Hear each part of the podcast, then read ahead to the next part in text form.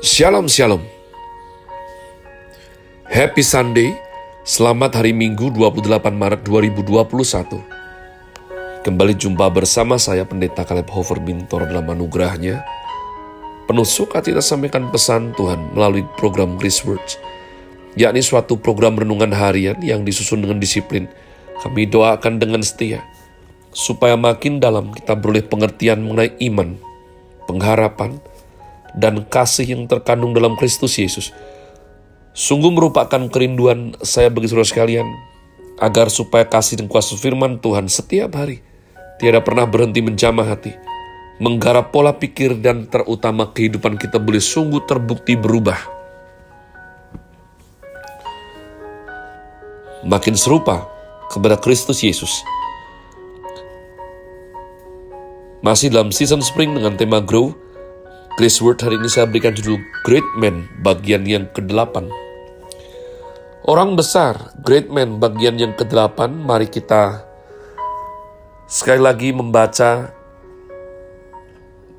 daripada kejadian Fatsal 50 ayat 22-26 yang mana kita memang sedang mempelajari sosok pribadi ini untuk memudahkan kita memahami Lukas pasal 22 ketika Tuhan Yesus mengajarkan cara menjadi orang besar kepada murid-muridnya.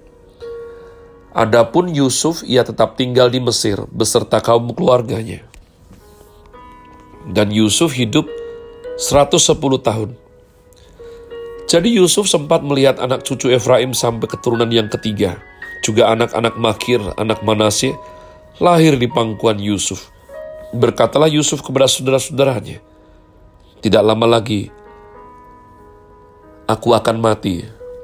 Tentu Allah akan memperhatikan kamu dan membawa kamu keluar dari negeri ini ke negeri yang telah dijanjikannya dengan sumpah kepada Abraham, Ishak dan Yakub."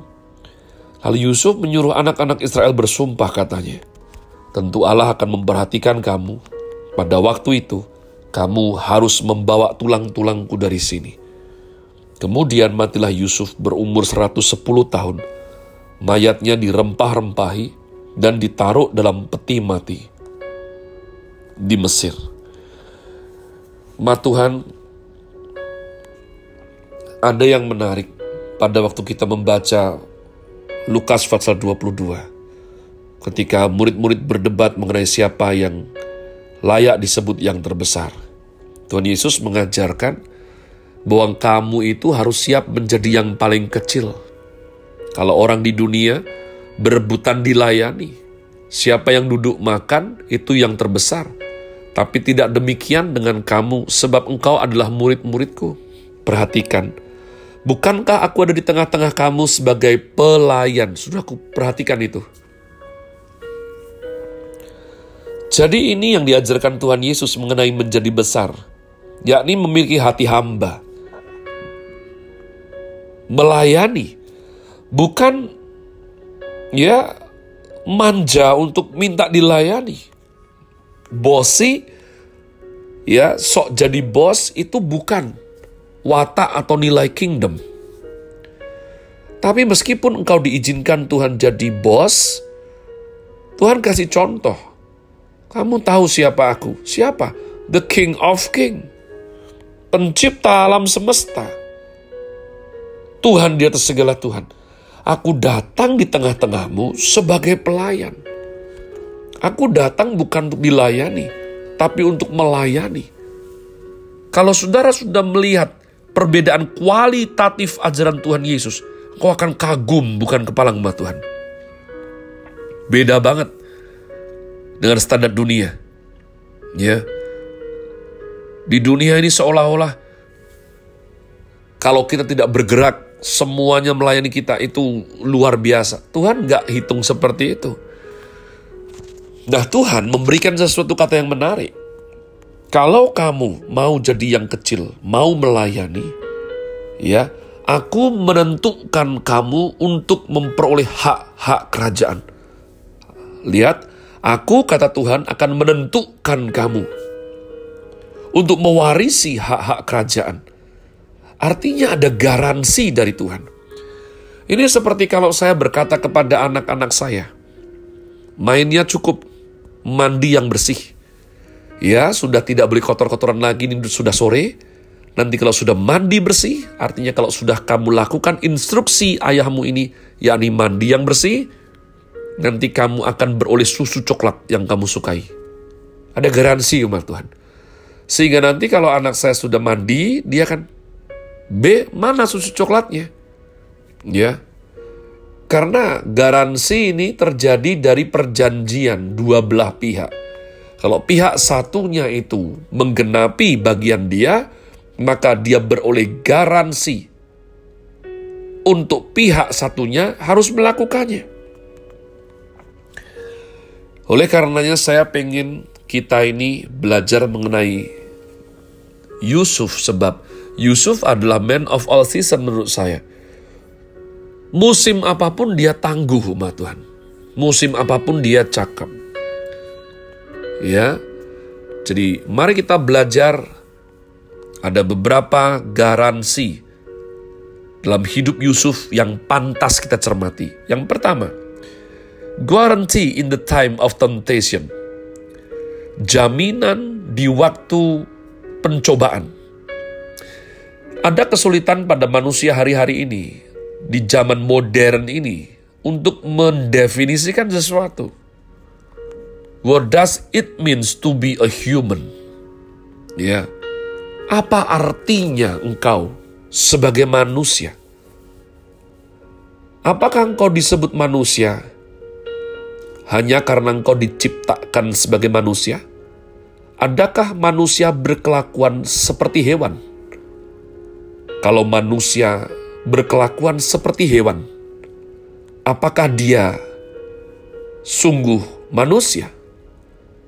Bahkan kalau manusia berwatak lebih kejam daripada hewan, apa sebutannya dia? Kalau memang manusia boleh seperti hewan, kenapa begitu sakit hati kalau disamakan dengan hewan.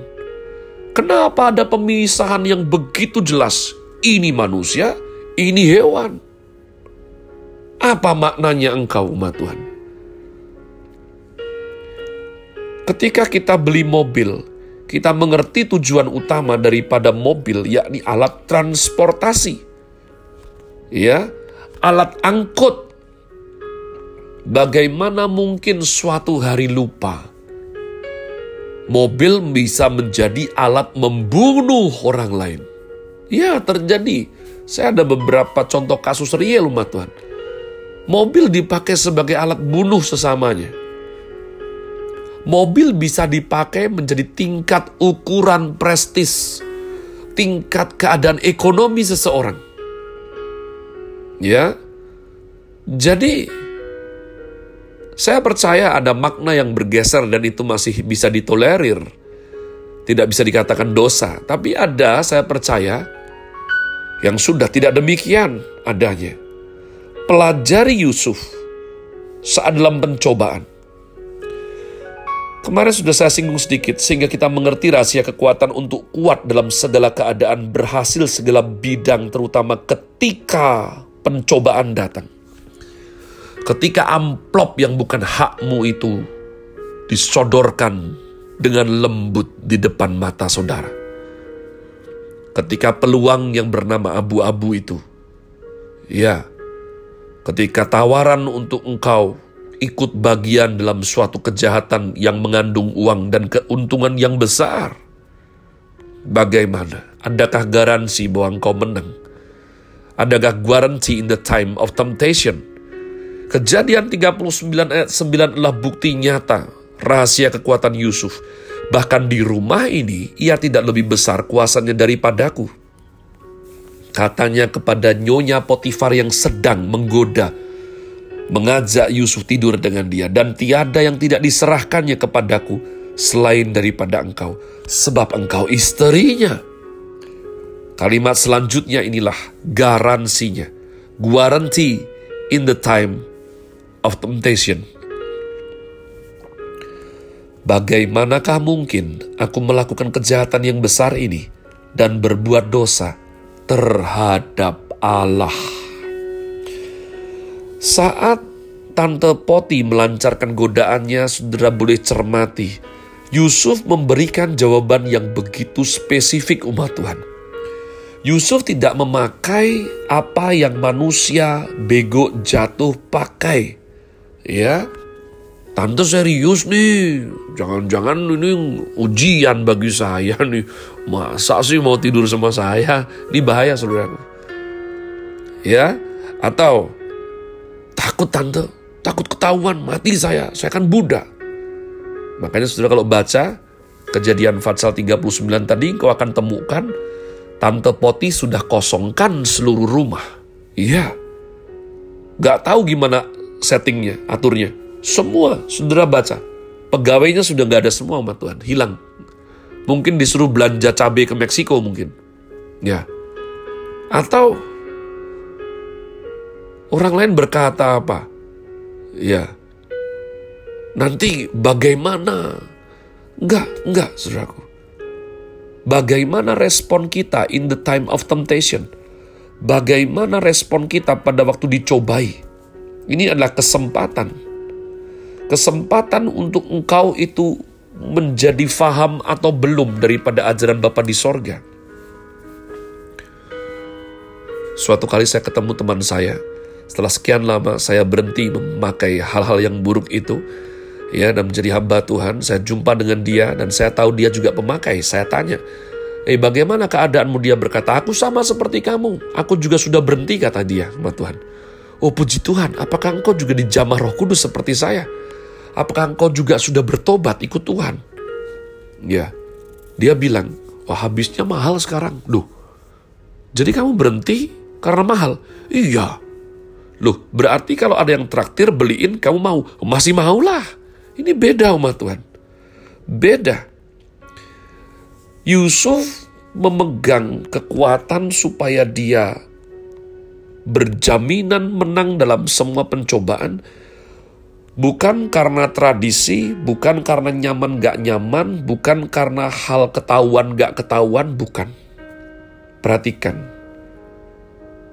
bagaimana mungkin aku melakukan kejahatan besar dan berbuat dosa melawan Allah. Dia meyakini bahwa semua yang baik itu dari Tuhan dan dia tidak mau salah di hadapan Tuhan. Ini kunci kemenangan Yusuf setiap kali coba umat Tuhan.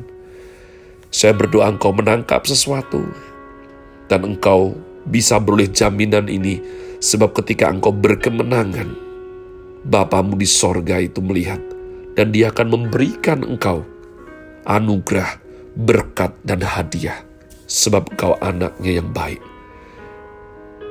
Happy Sunday sekali lagi. Tuhan Yesus memberkati saudara sekalian. Sola Grazie.